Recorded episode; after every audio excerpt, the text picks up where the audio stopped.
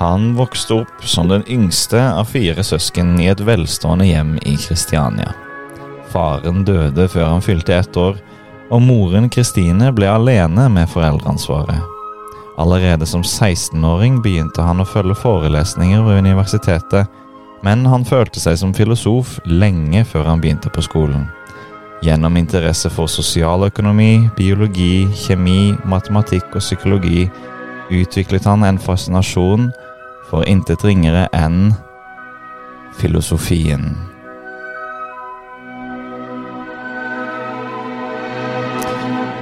Velkommen til Filosofiske fjes, episoden om Arne Næss.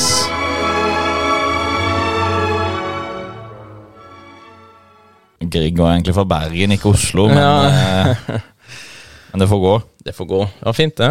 Fint det. Så da er det altså Arne Næss som er på agendaen. Nå, er det, nå skal vi lage en helt eh, egen filosofiske fjes om uh, vår eh, helt egne Arne Nessi. Mannen som ved sin innflytelse fikk eh, Norge over i den analytiske tradisjonen innen filosofi. Mm. Og hva betyr det, Daniel? Hva er analytisk filosofi i forhold til dens motpart kontinental filosofi? Ja, det er jo mange uh, måter å beskrive det på, men én en måte er å beskrive på at vi er opptatt av eh, på en måte mer fagtekniske. At vi er opptatt av å måte analysere begrepet og fysikk gjennom en sånn rein eh, hva skal jeg si, faglig forfatning. At vi tar sikte på eh, mer vitenskapelige kriterier. kriterier. Vitenskapen står jo mye sterkere i analytisk filosofi. Ja. Logikk også. Logikk og metode og litt sånne ting. Mens eh, kontinentalfilosofi er jo eh, mye mer poetisk. Ja, det kan i hvert fall ofte bli tolka i mer sånn poetisk retning, og at en ikke er så opptatt av disse her eh, rigide kriteriene. Mm, mm. Og dette er jo da to eh, bransjer av vestlig filosofi. Ja. Har du noen gode saker om Har du funnet ut noe spennende om Arne Næss? ja, det er mye spennende om hans liv. Eh, Han, eh, vi kan begynne med å si at han ble jo født i 1912, Mm. og han døde i 2009, så han ble jo 97 år gammel, nesten 100. Ja. Han levde et langt liv, og gjennom det lange livet så fikk han gjort mye. Så du leder litt mot inn mot nå, så bidro han å få, få gjennom, og kanskje egentlig gjenopprette filosofien Mm. i, no, i den norske akademia etter krigen. Og han regn- regna som grunnlegger av eh, det man kaller dyp økologi, og den såkalte Oslo-skolen. Og hva er dette? Hva er dyp økologi, og hva er Oslo-skolen? Ja, nei, det skal vi snakke mye om. Oslo-skolen er jo egentlig Det er skolen i Oslo, ikke sant? Ja, det er den, ja. ja, Ja, det er den. Jeg skjønte ikke det. Det skjønner ikke. De må jo ha en utdanning, de òg. Ja, ja, noen av det i hvert fall. Eh, nei, så, men uh, dyp Kan ikke bare leve på gatas skole, vet du. Gatas parlament.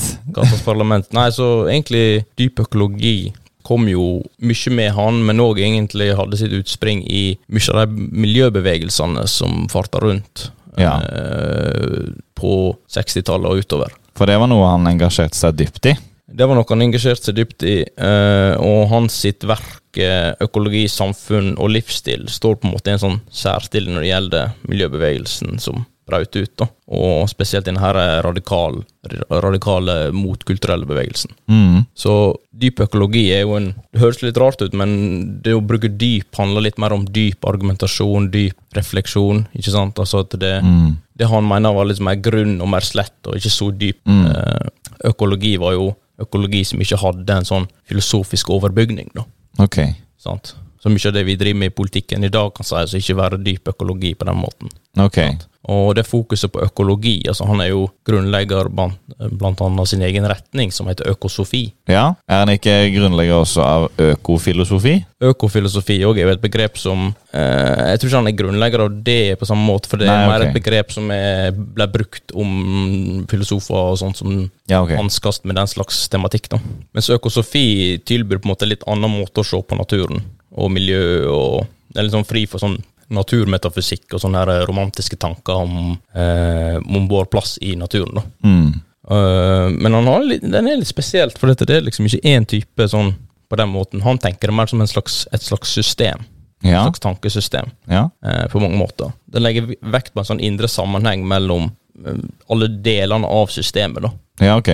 Mm. Sant? Eh, og det gjelder, jo, det gjelder jo politikk og filosofi uh, som søker å møte denne økologiske krisa Mm. og dens utfordringer. Mm. Og se eksempel på ideologi i naturen, og på industrien, og hvordan industrien påvirker naturen, og forsøke å gjøre normative slutninger ut fra det. da. Så i motsetning til økofilosofi, som i større grad deskriptiv og litt fri for normativitet, eller litt fri for liksom verdivurderinger, da, kan man si, på godt norsk, så er eh, økosofi ganske normativt lada. Og det betyr at eh, den eh, kommer med mange bør-påstander. Den, den beskriver ikke bare verden, den sier noe om hvordan verden bør være. Ja, Det er det som betyr å være normativt. Og det er jo den klassiske slutningen at du ikke kan trekke normative slutninger ut ifra deskriptive utsagn. Mm. Altså det vil si at hvis du ser at uh, surt nedbør fra industriområdet forårsaker at fisken dør i en innsjø, f.eks., så selv om du vet at det ikke er ideelt, så kan du likevel ikke trekke normative slutninger. Da. Så han er jo klar over den er-bør-skillet der, da. Mm. Men han uh, Jeg tror ikke han tar det så Altså, han, han er likevel villig til å dra mye normative slutninger ut ifra ting som måten vi på en måte driver politikk på, og dens innvirkning på miljøet. da. Ja, det er jo det som er med For eh, naturvern, det er jo en, en konservativ kamp, egentlig. Altså, Det handler jo om at å la naturen være som den alltid har vært. Men det argumentet er jo i seg selv Altså, ikke Det holder egentlig ikke vann. Eh, å si bare at nei, for, hvorfor bør vi verne om naturen? Nei, for den har alltid vært sånn. Mm. Det er liksom som å si hvorfor bør vi krige? Nei, vi har alltid kriget. Ja, og det er sånne holdninger som er på en måte innenfor ideologi og innenfor vårt forhold til naturen, da. Men derimot å Så- si vi bør verne om naturen fordi måten den er på Hvis den endres, så kollapser hele systemet som vi står på. Det er et godt argument. Ja. Hvis det er sant, da.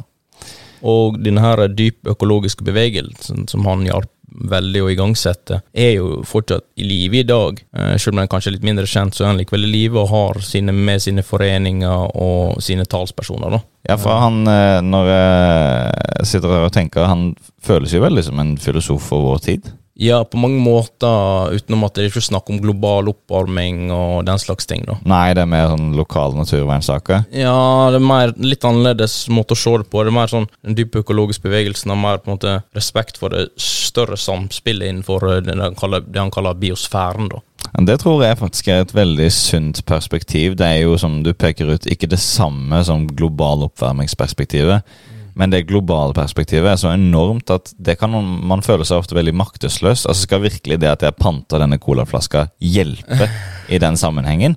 Ja. Det, det, da føler jeg meg veldig maktesløs når jeg tenker sånn. Mens liksom sånne lokale ting, sånn som Ness, han engasjerte seg jo i noen protester som han ble veldig kjent for, og, og sånne ting. Det, det er liksom sånn Det er veldig sånn Individet kan bli med, da. Kan bli med i en gruppe og gjøre en forskjell. Ja, også med så mye vitenskap bak, og så mye statistikk og analyser i dag som blir vist på media og i ulike sammenhenger hele tida, så er jo det mm, Føles seg litt som det er en stor jungel og en litt sånn rådvill. sant? En vet ikke hvor den skal gå.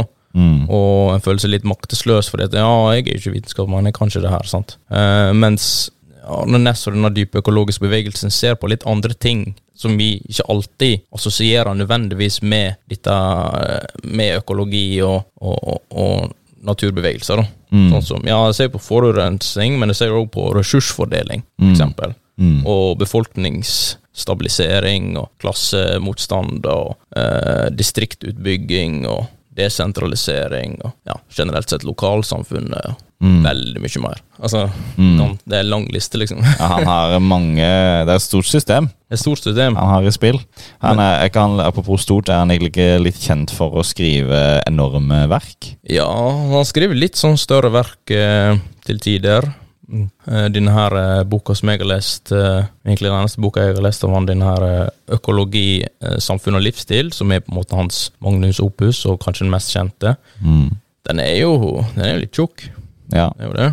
Og, men han er, bruker veldig mye tid på å med en gang egentlig diskutere disse begrepene her som vi har nevnt, og dette med dyp økologi, og dette med dyp, hva det vil si at det er dyp, og Mm. der er jo veldig hans analytiske innvirkning veldig på plass. Ikke sant? Eh, For han bruker veldig mye tid i starten på hva vi egentlig snakker om her, før Ja. han i hele tatt sier det, og det er veldig mye analyse på alle momentene i skikkelig god eh, filosofisk stil, så Hva syns du om eh, boka? Om skrivingen hans? jeg syns, jeg syns? Mm? Om skriften. Om selve skriften hans. Skrift- Håndskriften hans. Håndskriften hans skrevet, den er ikke typewriter. uh, Nei, jeg syns han skriver ganske fint, faktisk. Men det er jo litt sånn Jeg ser litt sånn østlig preg òg, egentlig, Ah, ja. på hans tekst. Uh, for han hadde jo latt seg inspirere av østlig filosofi òg. Østlig filosofi, da tenker vi liksom helt borti Øst-Asia, Kina, Ja. Confucius, den gjengen der? Den gjengen der, og egentlig generelt sett Ja.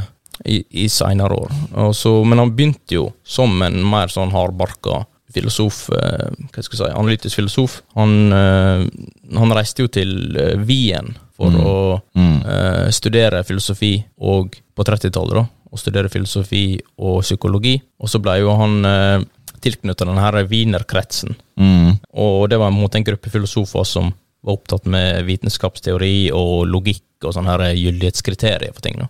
Og det her var jo eh, var det, her, det her var rett etter krigen, Er ikke det? Rett før andre verdenskrig. Rett før andre verdenskrig. Ja. Eh, han godeste professor Grelland, som har vært her på UiA, Mm. kan, kunne jo fortelle oss at eh, Wien på den tida var jo eh, New York. Altså Det Ja. var liksom der du reiste for å mingle med folk, særlig intellektuelle. Eh, reiste dit for å diskutere og utveksle ideer. Og, Helt riktig, det var et intellektuelt kraftsenter Ja. før det ble sprengt ned i Sunder og sammen i andre verdenskrig. Ja, det ble fullstendig ødelagt. Så, men det Ble det var, det? det var veldig synd. Ja.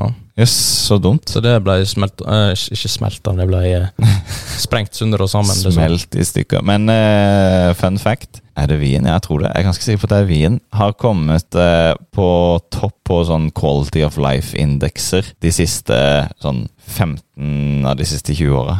Mm, såpass. Ja. Jeg har aldri vært der, men det ser ut som en fin by. altså. Jeg har heller ikke vært der, men de har jo tydeligvis et kjempeflott orkester. Å ja. ja. Nei, men det så nok litt annerledes ut på hans tid, da, og, Mm. og uh, Det gamle Wien. det var jo veldig mye sånn her det vi kanskje i dag kaller litt sånn armchair philosophy, litt sånn mystisisme og sånn som regjerte på den tida. Så den wienerkretsen hadde jo et visst grunnlag at jeg ønsket mer sånne her rigide, rigide teorier som tok, hadde liksom, var mer logisk gyldige og fri fra eh, tvetydigheter. da. Og denne kretsen ble utvikla til den såkalte logiske empirismen, som på en måte er en lære mellom forholdet mellom språk og verden, som eh, tok sikte på å avkle språket sine uklarheter da, og oppnå liksom mest mulig presisjon. Eh, de betrakta all kunnskap som erfaringsbasert. Eh, mens i etter, ettertida så har, en, eh, har den kretsen blitt betegna som stormannsgale da, Å ja. og virkelighetsfjerne. ja, stemmer At de prøver liksom å etablere en fullstendig vitenskap fra fysikk og hele veien til psykologi. Mm. Eh, Ambisiøse. og eh, har- den logiske empirismen har jo fått eh, betegnelsen da, det er jo det vi kaller det, da vi kaller det logiske positivism.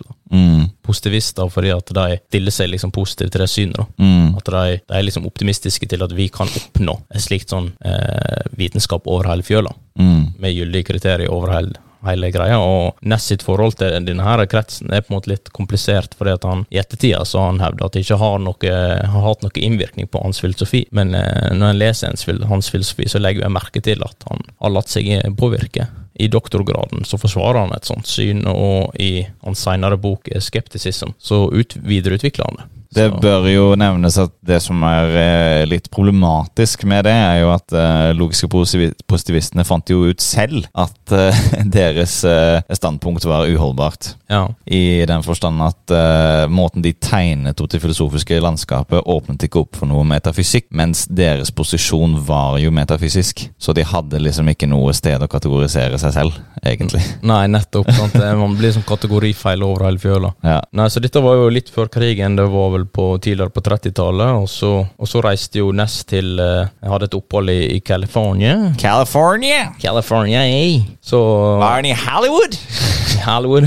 Så Los Angeles. til-? Los Angeles. Så reiste han tilbake til Norge da uh, i uh, 1939, og så ble han som 27-åring uh, Norges yngste professor Oi, oi, oi. i filosofi. Yes. Det er neste år for meg, det. Ja, jeg er allerede for gammel. jeg.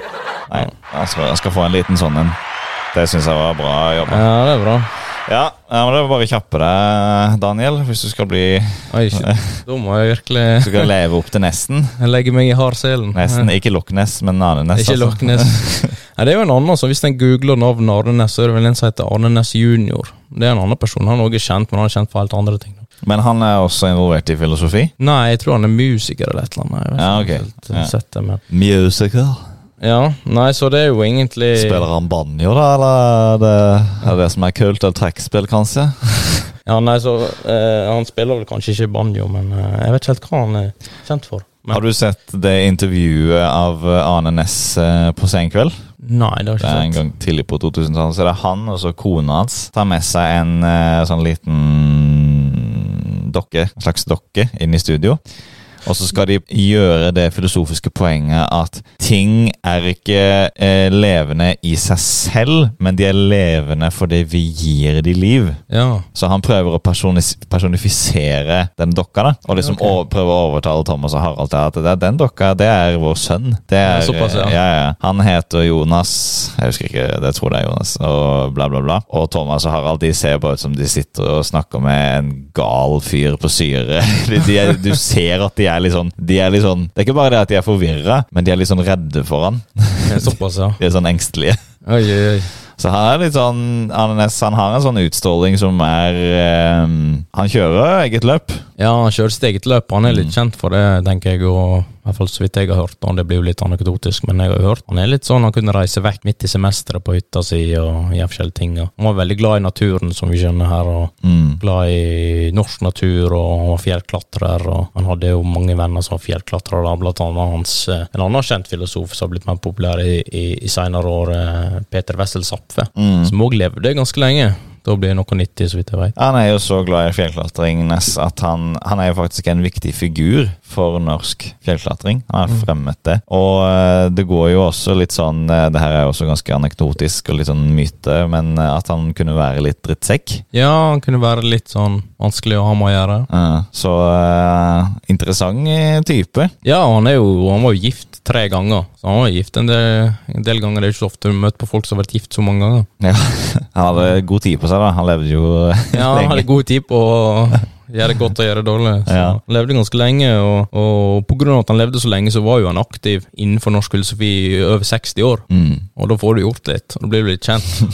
Litt for han, Så jeg tenker han tok litt tid til hjelp her. Ja, ja, han gjorde det. Han gjorde nok det, og som vi nevnte, han bidro jo til å på en måte, jeg kan si gjenetablere, da, eller etablere norsk eh, filosofi på banen. Han var jo litt smålig kjent sånn på et punkt, liksom, for han var jo litt internasjonal òg. Sånn. Mm. Han har jo flere artikler som har blitt kjent. Og, men det mest kjente er vel litt av verket eh, 'Økologi samfunn og, og livsstil', Mm. som eh, regnes vel kanskje som hans eh, viktigste verk innenfor akkurat denne her eh, miljøbevegelsen. En del av filosofiske fjes er at vi skal beskrive ansiktet. Ja, det. Og uh, Arne, han uh, Jeg ser på et bilde her fra 1998. Der er han da altså Nå sa du han var født 1907. Så det er 1912. 1912. Så er Da han han, 1998, der er han 86 år. ja. Eh, han ser liksom bare litt sånn helt normal ut. Ja, han ser fairly normal ut. Altså, litt sånn, Av og til ser du enkelte bilder av han, så har han litt sånn rufsete hår. Mm. Så han ser litt, litt ut som en sånn uh, Enkelte av de bildene nå, der ser han egentlig bare ut som en gammel mann. Ja. Gammel norsk Han, gammel mann. ja, han ser bare ut som en gammel norsk mann. Og så har han hår, da. Han har ganske Altså, han har flott manke. Han har jo Han har litt manke, ja. Ja, ja. Han har jo ikke mista Så er det mye hår. Men det er jo litt sånn hva bildet sier òg. Sånn. Jeg har jo sett bilder av han der han har rufsete hår, liksom, står i alle kanter, og så står han i ei busk i naturen, liksom, og da ser han litt mer ut som sånn der eh, mad scientist, eller litt sånn hip, gammel hippie, eller et eller annet. Men Jeg ser ut som han har litt overbitt. det kan hende. Han ser litt ut som Freddie Mercury. litt ut som en veldig, veldig gammel Freddie Mercury. Ja. Eldgammel norsk Freddie Mercury med store, rufsete øyenbryn, eh, håret på hodet og masse smilerynker i, ved siden av øynene. Ja, Ja. ja. Så det virker som han har vært en blyfis, da. ja. Fjellklatringa hjalp litt Ja. på eh, longevity. Tydeligvis er det liksom det som er nøkkelen til et langt liv. Det er fjellklatring og filosofi. Det, Ja. det er two Fs. Anyway. Det er 2Fs fjellklatring og filosofi. Det samme gjaldt jo for hans eh, gode venn Petter Wessel Zapfe, som uh, også gammel og fjellklatrer og filosof. Og. Så Zapfe han var nordlending, er det ikke det? Tror det. ja. Ja. En nordlending og en oslomann som blir venner, det er jo historisk i seg selv, egentlig. ja det, det er en bragd i seg sjøl, det. Nei, så han hadde jo et langt liv, og jeg ikke så veldig mye til hans måte, mer private liv, eh, men eh, utenom det at jeg, det jeg har hørt av han da. Han er jo kanskje en av de få filosofene i, i norsk, eh, på norsk sokkel som på en måte er litt kjent utenfor filosofien. Ja. Spesielt av den eldre garde, da. Ja, Som sagt, han var jo, som du sa, han var jo på Thomas Harald av en grunn. ja ikke sant? Så han er jo litt kjent måte, utenfor av folk som ikke er filosofer. Veldig mange filosofer er jo kjent innenfor filosofien, og jeg kjenner mange norske filosofer, liksom, men de er liksom ikke kjent så veldig mye utenfor. Men han er jo litt kjent utenfor. Det kan jo komme det av den her klatringa hans, da, for jeg leser her på Store norske leksikon. Arne Næss hadde stor betydning for utviklingen av norsk klatresport, både gjennom introduksjonen av nye klatremetoder, men også gjennom sine mange krevende førstebestigninger i høyfjellet. Såpass, Så ja. han var jo tydeligvis en ordentlig badboy når det kom til, kom til klatring. Ja, Besteg fjell først og utvikla klatremetoder, og deretter gikk han hjem og fortalte om at det som er viktig med sannhet, er eh, erkjennelsesteoretisk å se hva som ligger bak sannhet, står det her. ja ok, såpass. Det står her når man, Dette er da eh, en gjengivelse av Ananesses filosofi. Mm. Når man vil kartlegge hva som menes med ordet sannhet, er det nærliggende å se på den erkjennelsesteorien som ligger bak i hermetegn, hevder Næss. Mm. Når man vil si noe om hva som menes med ordet sannhet, forutsetter man gjerne en teori om hvordan mennesket erkjenner verden eller feller dommer. Det er Ja. sånn her dyp filosofi. Nå kjenner jeg Ja. for vondt i huet allerede. Det blir litt sånn eh, Det blir litt sånn mye metafysikk og analyser her. Men han tok jo Mange mente jo på den tida, når han slutta på universitetet for å utvikle denne her eh, økosofien på, på fulltid, så mente jo mange at han hadde tatt en sånn intellektuell salt om moraler, og at han hadde snudd litt på ting. Mm. Og gikk ikke vekk fra sånn hardbarka analytisk filosofi, og mer mot eh, eh, denne her miljø, miljø, miljøtankene hans. Ja, For det når jeg leser det der, det, det kan jo bare, bare være som en brødsmule, men det leses for meg ganske kontinentalt. Ja. Altså, det, det føles ikke sånn kjempeanalytisk. Nei. Det er litt sånn mystisk, eh, poetisk, eh, bak sannhet. Jeg får litt sånn Heidegger-vibber. Ja, litt sånn Heidegger-vibber og litt sånn eh, Nei, men altså han, grunn, Noe av grunnen til at han kanskje var veldig analytisk tidligere, var jo litt som eh, noe av grunnlaget til at Wienerkretsen ble oppretta. Mm. Nettopp på grunn av at det var litt mye mer sånn mystisisme og litt mer sånn utenomsnakk og litt sånn all over the place. Ja. Filosofien var på den tida, på 30-tallet. Nei, så han, han, eh, han har jo egentlig ganske mange bragder innenfor analytisk filosofi, spesielt uh, denne boka 'Skepticism'. Mm. Men han har jo skrevet andre bøker som har blitt grunnleggende lærebøker i norsk filosofi, som blitt brukt i X-Fil, uh, blant annet skeptisism og filosofiens historie og sånne ting. Mm. Det er brukt i filosofihistorie og i X-Fil og i logikk og metodelære. Han skrev bøker i logikk, og ble brukt i veldig mange år som standard lærebøker. da. ja, ja, stemmer det. Så han fikk jo mye kjennskap gjennom det. da. Det er klart, når du kommer inn i standarden, den norske standarden, da er du, da er du klart det. Så jeg tror han aldri gikk helt vekk fra den her analytiske tradisjonen som han, som han holdt nært og kjært på et tidligere tidspunkt. da. Selv om han kanskje hevder det til tider. da. Men han var en del av denne wienerkretsen, ja. Det er jo veldig interessant, egentlig. For det er litt sånn, det er litt sånn mystisk, mystisk gjeng. Ja, det er litt sånn mystisk gjeng og, og Tror du de spiste mye wienerpølse? Det tror jeg nok. Det er jo Wienerkretsen Og drakk wienermelange? Logiske pølser. Og s- det doesn't make any sense. Anyway.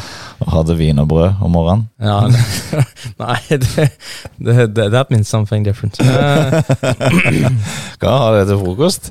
De har jo det nede i Europa, så har de sånne søte frokoster. ja, sånn, ja. Mm. Ikke rart han levde i 90 år. Ja. That's the secret. Det er fjellklatring. Vet du hva en wienermelange er for noe, forresten? Nei. Det er bare kaffe med melk. En slags, en litt annen versjon av latte. Å ja, ok. Det var jo i, i Wien hvor de begynte å lage sånn søtbakst og sånn, for eh, eh, Og det, det ser man igjen i det franske språk, for på eh, fransk så heter søt gjærbakst viennoiserie. De har bare kalt det vineri, egentlig. Å ja. Vineriet. Vineri. Nei, men eh, det har jo blitt litt bedre kjent med Arne Nessi, da. Mm. Det har vi, det har vi. Skal, skal vi ta oss og spille ut med litt eh, mer, eh, litt mer eh, musikk her? Ja, det kan vi godt. Det er jo så flott med denne klassiske musikken at den er falt inn i åpent domene. Mm. Så den kan vi liksom bare bruke fritt. Greg. Nå blir det litt trist.